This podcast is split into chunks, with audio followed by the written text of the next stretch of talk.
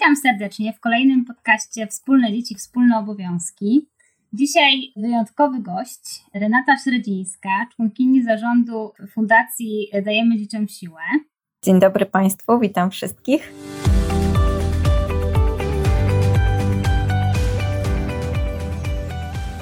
Bardzo się cieszę, że możemy porozmawiać. Ja sama też pracuję w Fundacji Dajemy Dzieciom Siłę, więc trochę więcej stresu tutaj dla mnie, ale myślę, że dam radę. Więc bardzo się cieszę, że będziemy dzisiaj rozmawiać, bo dzisiaj ważny temat dotyczący rekomendacji Rady Konsultacyjnej Fundacji Share the Care dotyczących wdrożenia dyrektywy Work-Life Balance w Polsce, a także tego, jak te propozycje Rady Konsultacyjnej, w której też Renata uczestniczyła, będą wpływać na dzieci w Polsce. I o tym będziemy rozmawiać właśnie z perspektywy e, dzieci, nie z perspektywy wszystkich czynników, na jakie mogą wpłynąć te rekomendacje, to na pewno jeszcze przed nami. Więc ja może zacznę trochę e, mówiąc, jakie są te rekomendacje, bo myślę, że to ważne. Więc e, przede wszystkim my jako Fundacja Share the Care po analizie i dyskusjach z ekspertami rekomendujemy, żeby do obecnych 32 tygodni urlopu rodzicielskiego były dodane 8 tygodni urlopu tylko dla ojców i żeby te co najmniej dwa miesiące były dla każdego rodzica, to znaczy, że nie można ich oddać drugiemu rodzicowi. Oraz co też myślę bardzo ważne jest, że prawo do urlopu rodzicielskiego, przynajmniej do 4 miesięcy urlopu rodzicielskiego, ma być niezależne od prawa matki czy drugiego rodzica, tylko przynależne do być prawem danego rodzica, w tym przypadku ojca, bo w przypadku, kiedy matka nie ma uprawnień do urlopu, to w tym momencie ojciec też tego uprawnień nie ma. Więc chcemy to zmienić w ten sposób. I to są takie kluczowe zmiany, które proponujemy, żeby wdrożyć w Polsce, żeby też nasze rozwiązanie było zgodne z tą dyrektywą Work-Life Balance uchwaloną przez Parlament Europejski. Dzisiaj właśnie będziemy rozmawiały o tym, jak takie rozwiązanie, nasze proponowane przez nas rozwiązanie, może wpłynąć na y, dzieci. No to na początek takie pytanie, no właśnie, dobrze czy źle? No w zasadzie można powiedzieć, że prawie jednoznacznie dobrze. E, to znaczy to, że dziecko, e, zwłaszcza gdyby udało się tak skonstruować te zapisy prawne lub takie ich wykorzystanie praktyczne, że te dwa dodatkowe miesiące przeznaczone tylko dla ojców byłyby wykorzystywane przez ojców w pierwszym roku życia, to to praktycznie nie ma żadnych niekorzystnych tutaj skutków dla dziecka, same, e, same pozytywy. I od takich, które no prawdopodobnie mogą się wydawać trywialne, ale myślę, że i tak warto o nich e, wspomnieć. No przede wszystkim to, że e, jeżeli tata dziecka będzie się angażował w jego opiekę i w jego wychowanie, od samego początku, no to po pierwsze, sam zdobędzie więcej takich kompetencji rodzicielskich, bo lepiej pozna swoje dziecko, lepiej będzie jakby znał to, co, to, co dziecko lubi, to, co mu przeszkadza, z czym e, ma trudność.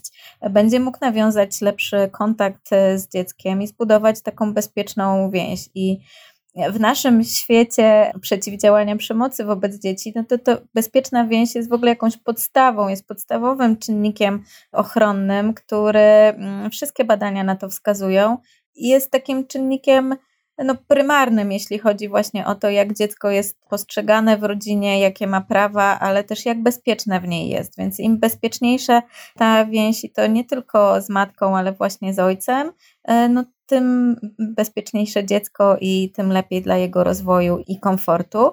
No i właśnie w budowaniu tej bezpiecznej więzi sprzyja czas. Może nie tylko czas, oczywiście, bo ważna jest ta, ta relacja, e, czułość opieki, ale nie da się tego też zbudować, jeżeli tego czasu tata dziecka nie będzie dziecku e, poświęcał. Więc e, to taka podstawowa jakby wartość z, z tego, że ojcowie braliby te dodatkowe dwa miesiące urlopu, zwłaszcza gdyby je wykorzystywali właśnie w pierwszych miesiącach życia dziecka. Mhm. A teraz y, jeszcze powiedzmy o tym, czy to znaczy, że właśnie jeżeli ojciec ma dobrą więź y, z dzieckiem, czy spędza ten czas, to też, czy to oznacza, że matka tutaj jest nieistotna? Nie, to w ogóle nie oznacza. Matki są bardzo istotne. My tu się skupiamy rzeczywiście na ojcach i fajnie, że o to zapytałaś. Nie dlatego, że chcemy pomijać matki czy umniejszać jakoś ich rolę, bo, bo jakby ich rola jest bezdyskusyjna. Natomiast ta rola ojców jest w naszym społeczeństwie cały czas postrzegana trochę taki pomocnik matki, taki drugi opiekun, taki nieco mniej ważny, a to wcale tak nie jest. Dziecko potrzebuje i zgodnie z konwencją e, praw dziecka, którą zresztą Polska zainicjowała i podpisała jako jeden z pierwszych krajów, dziecko ma prawo do dobrych relacji, dobrych kontaktów z obydwojgiem rodziców. I dlatego się skupiamy teraz w tej narracji na ojcach, bo oni do tej pory byli no jednak pomniejszani w tej swojej wadze dla rozwoju dziecka. Więc to tak, to chciałam zaznaczyć. Nie, nie chcemy tu umniejszać roli mam, natomiast wydaje się, że, że jednak w naszym społeczeństwie ta rola jest oczywista, jest doceniana. Natomiast to, co rzeczywiście szwankowało, to jednak zwrócenie też równej uwagi na to, jaką wagę dla rozwoju dziecka i jego bezpieczeństwa ma zaangażowany ojciec. Tak, i też podkreślmy, że do tej pory często się mówiło właśnie o tej więzi z matką, jako takiej głównej więzi i wszystkie inne relacje dziecka były postrzegane jako mniej ważne. Natomiast też y, według najnowszej wiedzy psychologicznej to dziecko może mieć kilka takich y, bliskich osób, z którymi ma bliską więź. Nie musi to być tylko jedna, prawda? Tak, no to pokutuje takie pierwsze odczytanie pracy pewnie naj, najbardziej znanego badacza więzi, czyli Bolbiego, e, który rzeczywiście w pierwszych swoich pracach na początku kariery mówił o tym prymarnym wzorcu przywiązania do jednego obiektu przywiązania i podkreślał właśnie wagę stałości tego obiektu. No i jakby w domniemaniu była to matka, bo to ona spędza najwięcej czasu w tych pierwszych miesiącach życia dziecka. Natomiast sam Bolbi e, potem zweryfikował swoją teorię i dokładnie tak jak jak powiedziałaś, e, jego prace już e, późniejsze i wszystkich innych badaczy, którzy od tej pory tym zagadnieniem e, bezpiecznego wzorca przywiązania się zajmują, mówią o tym, że to nie jest tak, że dziecko jest w stanie wytworzyć takie bezpieczne przywiązanie tylko wobec jednej osoby. Może mieć tych osób kilka.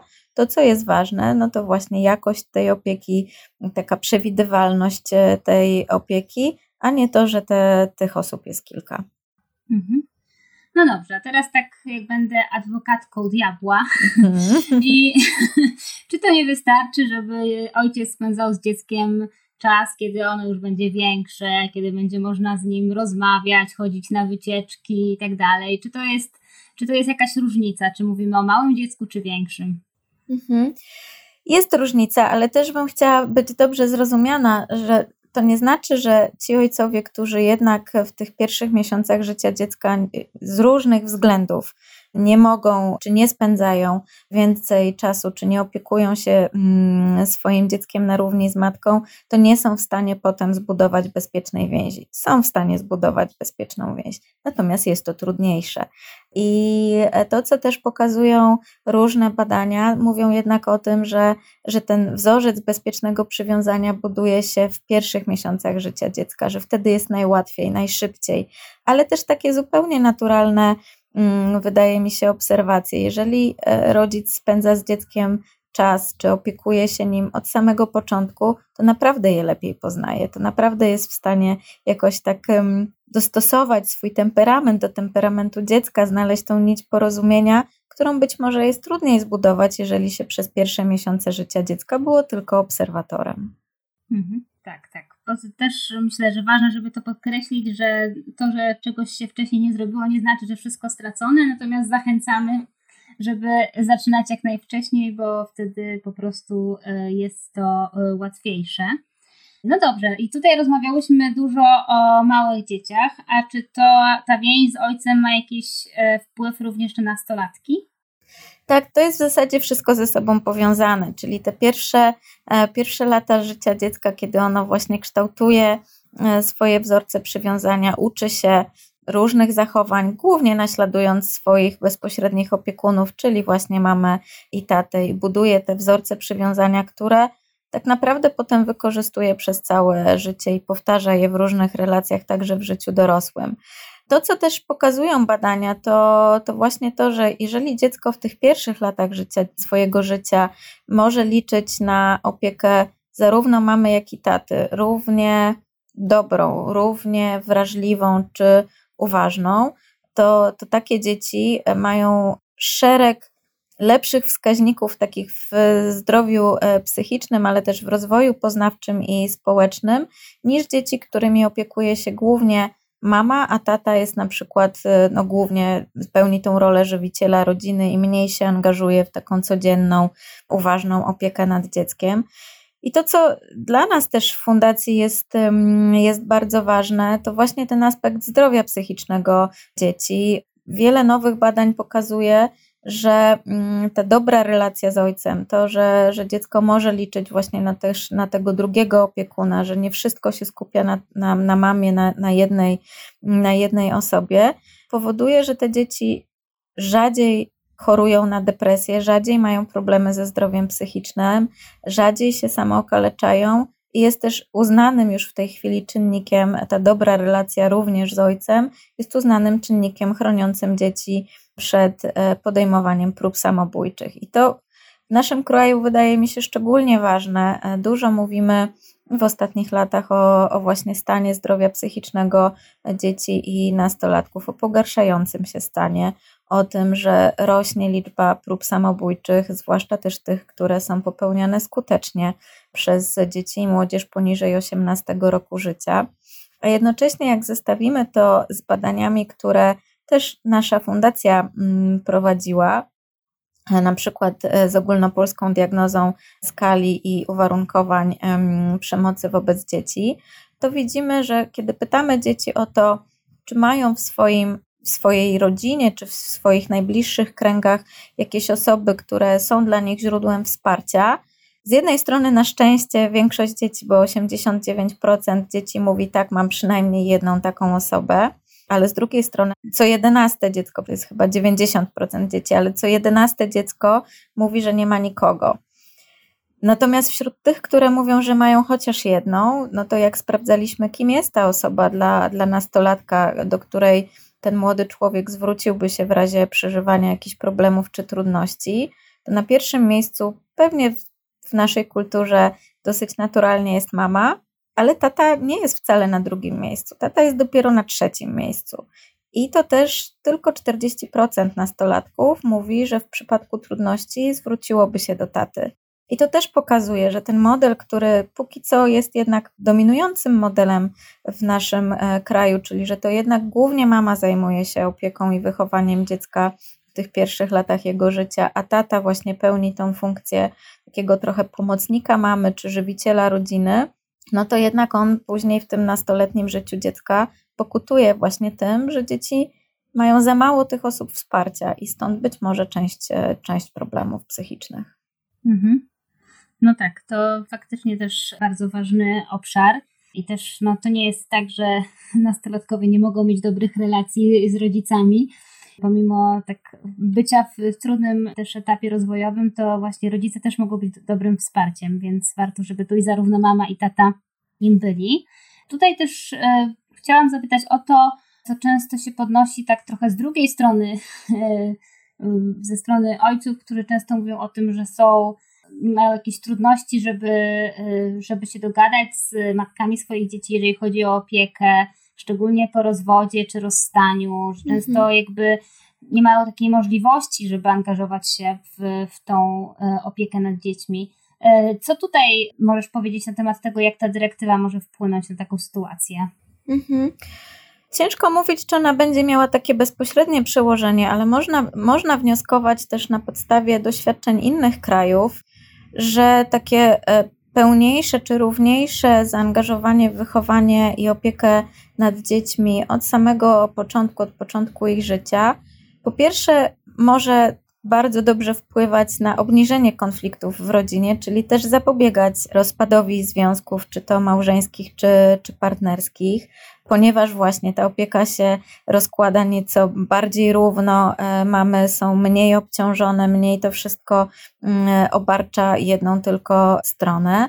I to też już e, badania potwierdzają, że rzeczywiście e, większe zaangażowanie ojców w opiekę i wychowanie dzieci od samego początku sprzyja utrzymaniu i stabilności związku i obniża poziom konfliktu w związku. Więc to już jest jakby jedna, jedna rzecz, która może pozytywnie wpłynąć.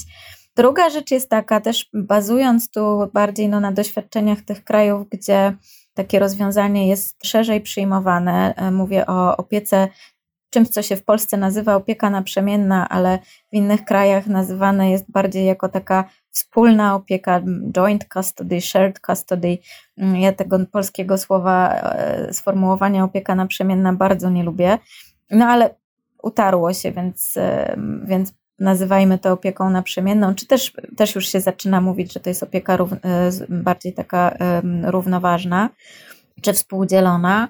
Sądy w tych krajach, gdzie ona jest popularna, dużo częściej ją zasądzają, czy w ogóle rodziny dużo częściej o nią wnioskują, właśnie tam, gdzie ten podział obowiązków jest równy, gdzie Obydwoje rodzice potrafią się opiekować dzieckiem, wykonać wszystkie czynności pielęgnacyjne wokół dziecka, mają z nim nawiązaną dobrą więź, dobrą komunikację i wtedy też właśnie ten niższy konflikt między rodzicami, ale też większe zaufanie obydwojga rodziców, głównie matek, do tego, że ojcowie dadzą radę i są w stanie się dobrze opiekować dzieckiem także po rozstaniu, powoduje, że ta opieka naprzemienna staje się bardziej popularna. W naszym kraju ja nie znalazłam póki co, a też interesuje mnie ten temat, nie znalazłam żadnych danych um, takich wiarygodnych, które by mówiły, jak bardzo jest to popularne rozwiązanie w tej chwili. Dostępne statystyki mówią o tym, w, w ilu przypadkach jakby opieka prawa rodzicielskie zachowują obydwoje rodzice i to jest e, ponad 65% rozwodów z par, które mają małe dzieci na utrzymaniu, znaczy nie, nie, niepełnoletnie dzieci na utrzymaniu. Natomiast to absolutnie na pewno nie jest opieka naprzemienna, te 65%. To jest pewnie tak, że jedno z rodziców dostaje tą główną opiekę, a drugie, drugie jest tym rodzicem który, no nie wiem, ma dwa wieczory w tygodniu, czy, czy je, dwa weekendy w miesiącu, więc nie, nie o takiej opiece mówimy. Więc tu hipoteza, to jest nasza hipoteza, że to rozwiązanie i większe zaangażowanie ojców właśnie poprzez wykorzystywanie urlopów rodzicielskich mm, i, i takie mm, równiejsze zaangażowanie w opiekę może budować też ten poziom zaufania do umiejętności rodzicielskich takiego taty i w razie rozpadu małżeństwa czy, czy związku może być też takim wskaźnikiem dla tej pary, że, że można się też tą opieką po rozstaniu równo podzielić, czy równiej podzielić niż w tym takim tradycyjnym, naj, najczęstszym do tej pory w Polsce modelu. Ale to jest nasza hipoteza, nie wiemy, czy, czy tak będzie. Natomiast no, doświadczenia innych krajów, które budują tą równość w wychowaniu mm, i równość opieki rodzicielskiej od początku, jak głównie mam na myśli kraje skandynawskie, no pokazuje, że jednak te mamy, z którymi prowadzone są e, na przykład wywiady, dlaczego się decydują na opiekę naprzemienną, mówią wręcz o tym, że one po prostu ufają swoim partnerom, że oni są w stanie się samodzielnie też dzieckiem zajmować dobrze. Więc taka hipoteza, że mogłoby to też pomagać w tej opiece po rozstaniu, ale też główna hipoteza i na to są badania, że w ogóle to, e, to równe zaangażowanie w mm, rodzicielstwo może po prostu zapobiegać części rozstań. Mhm. A tutaj właśnie jeszcze bardziej o tych rodzicach e, chwilę chciałam, no bo też to, jak e, rodzice funkcjonują i w jakim są stanie, szczególnie jeżeli chodzi o kwestie zdrowia psychicznego, też e, bardzo zawsze wpływa na dzieci, szczególnie te małe. Czy tutaj też są jakieś badania, które mówią o tym, że właśnie takie bardziej równe zaangażowanie w opiekę matki i ojca może w tym obszarze też pozytywnie wpłynąć?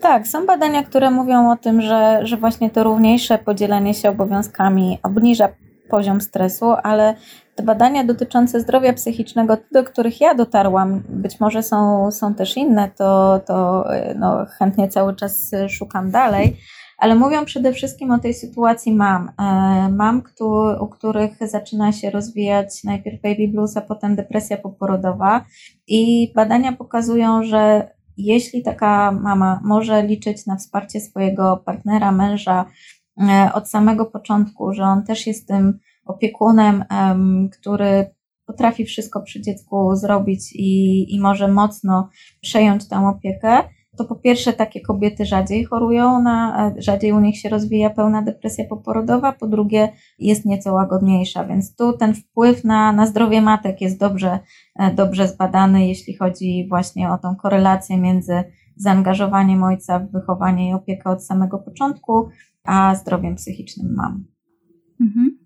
Dobrze, jeszcze chciałam porozmawiać też o tym, że my tutaj e, rekomendujemy takie rozwiązanie, żeby te dwa miesiące takie nieprzechodnie dla ojca e, były dodane do tych 12 miesięcy, które są obecnie łącznie macierzyńskiego i rodzicielskiego, czyli w sumie byłoby 14 miesięcy opieki któregoś z rodziców nad e, małym dzieckiem. I tutaj wiem też, że w tych rekomendacjach analizowałaś też kwestie właśnie takiej zindywidualizowanej opieki i kwestii dostępu w ogóle do jakościowej opieki e, żłobkowej, czy dla tych najmłodszych dzieci. I też e, to było brane pod uwagę, prawda? Tak, no to już taki kontekst bardzo nasz, e, jak zapewne wszyscy słuchacze wiedzą, z opieką, z dostępem do, do opieki żłobkowej dla najmłodszych dzieci jest, jest bardzo duży problem w Polsce ta sytuacja na szczęście zmienia się na lepsze, ale zmienia się powoli i nadal w 2020 roku tylko kilkanaście procent mm, dzieci, których rodzice chcieli e, je powierzyć opiece mm, żłobkowej, takie miejsce w publicznym, dotowanym miejscu mogło znaleźć. Więc e, to już takie może instrumentalne potraktowanie tego urlopu dla, dla taty, ale myślę, że ono jest istotne dla rodzin, dla takiej logistyki rodzinnej, e, no to właśnie to, że, że ponieważ tak ciężko jest e, ze znalezieniem tego dotowanego miejsca mm, w publicznym żłobku czy w prywatnym, ale właśnie wykupionym, z wykupionymi usługami przez samorząd, no to to też może być ważny argument, dlaczego warto żeby ojcowie wykorzystali ten urlop dodatkowy, te dodatkowe dwa miesiące, o które wnioskujemy.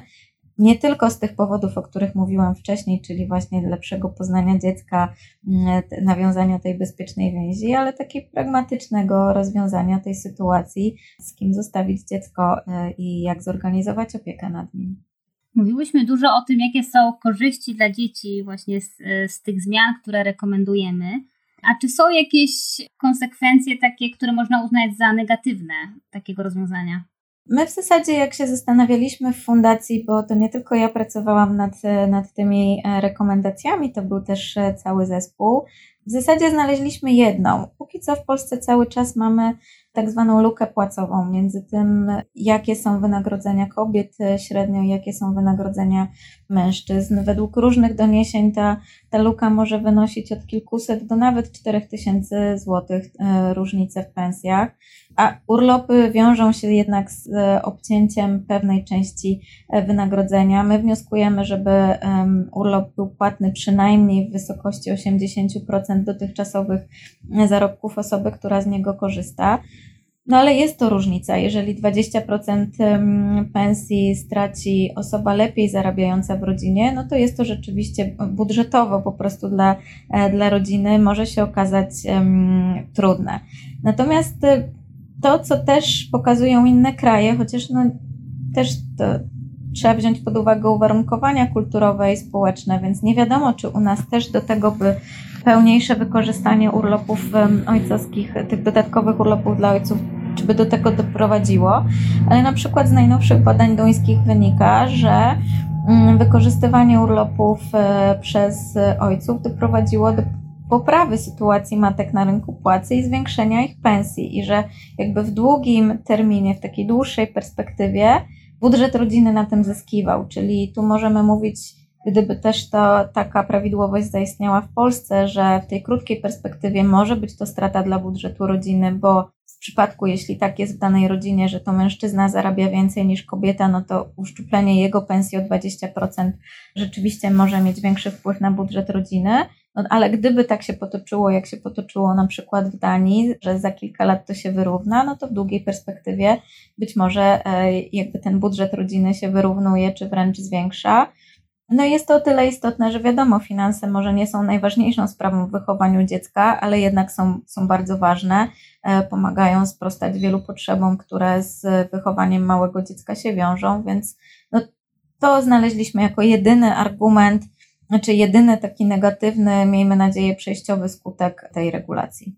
No tak, też warto właśnie pamiętać o tych, można powiedzieć, długofalowych korzyściach, no bo jednak e, mimo wszystko takie zmiany zazwyczaj planuje się właśnie, żeby te wpłynęły długofalowo na, na sytuację. Natomiast tak jak najbardziej trzeba brać pod uwagę to, że w krótkofalowo mogą e, się te finanse trochę pogorszyć. A w ogóle mam takie pytanie do Ciebie, w ogóle dlaczego Fundacja Dajmy Dzieciom Siłę zaangażowała się w ten obszar? E, dlaczego to jest ważne? To trochę już to powiedziałam przy tym pierwszym pytaniu, bo no bo w ogóle e, jakby jakość opieki nad dzieckiem, zaangażowanie rodziców w wychowanie dziecka, taka dobra komunikacja czy bezpieczna więź między dzieckiem a, a rodzicami, zarówno mamą, jak i tatą, jest tym najlepszym czynnikiem ochronnym przed wystąpieniem w rodzinie krzywdzenia. Więc wszystkie rozwiązania prawne, regulacje, które mogą pomóc temu, żeby właśnie dziecko mogło w tych pierwszych latach życia a tak jak mówiłam, to będzie potem procentowało praktycznie na całe życie. Cieszyć się tą dobrą opieką i uważną opieką ze strony obydwojga swoich rodziców, no to w naszej misji, którą jest zapobieganie krzywdzeniu dzieci, jest to kluczowy element i stąd nasze zaangażowanie. A Fundacja Dajmy Dzieciom Siłę też e, w ogóle ma taki obszar e, wspierania ojców i różnych działań dla ojców, e, oczywiście dla matek też, dla rodziców. Może opowiesz o tym więcej? Tak, mamy całą placówkę w Warszawie na Saskiej Kępie, to jest e, Centrum Dziecka i Rodziny, gdzie prowadzimy właśnie program wsparcia dla rodziców małych e, dzieci e, do szóstego roku życia. Dla tych rodziców, którzy z różnych względów przeżywają jakieś trudności w odnalezieniu się w swojej roli mm, rodzicielskiej.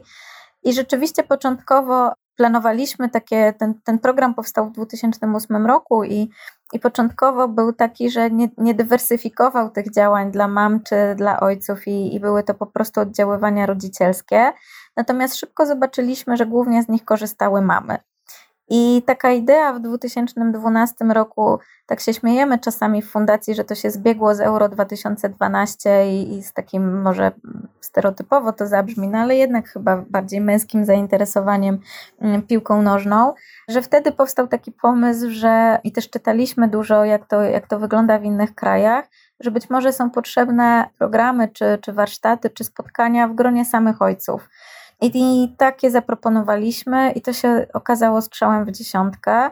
Ojcowie mówili o tym, że zwłaszcza na jakimś etapie swojej nowej rodzicielskiej roli chcą się pospotykać w takim męskim gronie, po to, żeby tak bez oceniania, bo, bo często mówili o tym, że, że czują się oceniani przez swoje małżonki, partnerki, przez mamy swoich dzieci, więc chcą porozmawiać o tej swojej nowej roli mm, i swoim podejściu do wychowania dzieci w męskim gronie. I, i to się nam bardzo sprawdziło.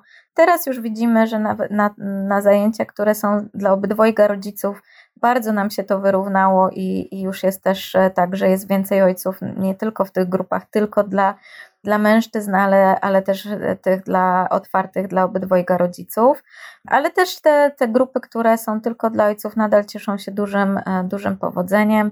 To są takie warsztaty umiejętności rodzicielskich, ale też grupy wsparcia, mm, gdzie ojcowie po prostu mogą w swoim gronie poopowiadać o tym, jak się czują w tej roli, jak się w niej odnajdują, jakie, jakie mają z nią trudności.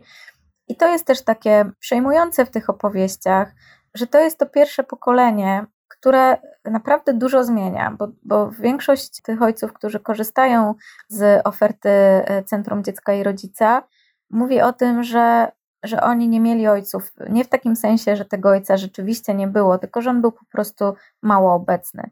I że oni tak nie chcą, i że oni chcą być ważnymi postaciami w życiu swoich dzieci Natomiast też tego nie potrafią, bo nie mają takiego wzorca z własnej rodziny. No i dlatego to skupienie na ojcach, na tym, żeby, żeby oni mogli być tą zmianą pokoleniową, żeby mogli rzeczywiście zmienić się to, że, że właśnie za wychowanie to odpowiada mama, a, a tata to jest od zabezpieczenia finansowego. I widać, że, że chcą tą rolę zmienić, że, że chcą ją udźwignąć. No i my staramy się zapewnić to wsparcie tam, gdzie jest potrzebne. To, co mówisz, to tak bardzo pozytywnie brzmi. Tu niecałe 10 lat, a też taka zmiana.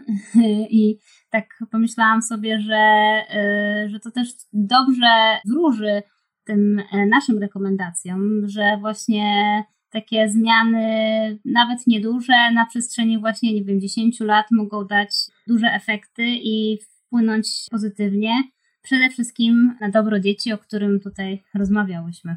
Tak, ja myślę, że y, te, te zmiany prawne mają taki status edukacyjny też. To nawet patrząc, oczywiście to jest pewnie łatwiejsze, ale patrząc nawet na, na historię z tak zwanym urlopem tacierzyńskim, czyli tym, co już mamy, tymi dwoma tygodniami zarezerwowanymi dla ojców e, zaraz po urodzeniu dziecka, też pierwszy rok nie był jakimś szałem, chyba nawet pierwsze dwa lata to, to były bardzo niskie statystyki.